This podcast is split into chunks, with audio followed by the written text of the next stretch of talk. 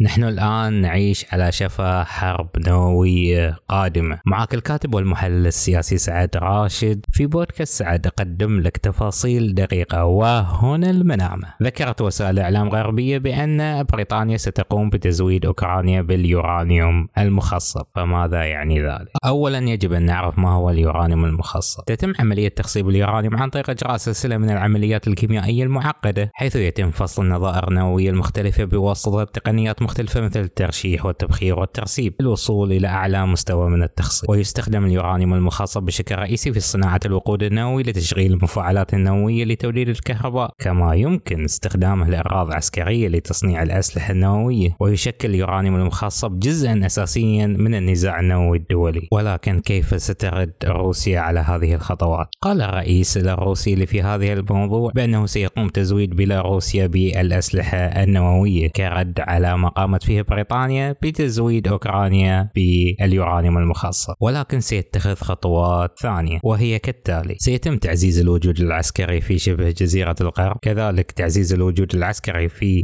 بيلاروسيا فرض عقوبات اقتصادية على بريطانيا مثل تقليص التجارة وتعليق العلاقات الدبلوماسية وقيام روسيا بتزويد دول معينة بالوقود النووي المخصب وهذا سيؤدي إلى زيادة التوترات في المنطقة. كما من المؤمل أن تتجه روسيا للجهات الدولية مثل الوكالة الدولية للطاقة الذرية للتأكد من مطابقة اليورانيوم المخصب وفق المعايير والقوانين الدولية والأهم من كل ذلك هو إيجاد حل سريع وسلمي للأزمة الروسية الأوكرانية. إلا أن النقطة المهمة أن تزويد أوكرانيا باليورانيوم المخصب قد يعني زيادة في التوترات ما بين روسيا وأوكرانيا خاصة قد تصبح أوكرانيا لديها سلاح نووي وأن هذا التصعيد لا يخدم الأزمة الروسية الأوكرانية ولكن لا نعلم من سيبدأ إطلاق السلاح النووي. أولا هل هي روسيا أم أوكرانيا شكرا لاستماعكم لبودكاست سعد وأذكركم بأن لدي قناة في التليجرام سعد ون راشد لآخر التطورات وآخر الأخبار الحصرية. تحياتي لكم جميعا.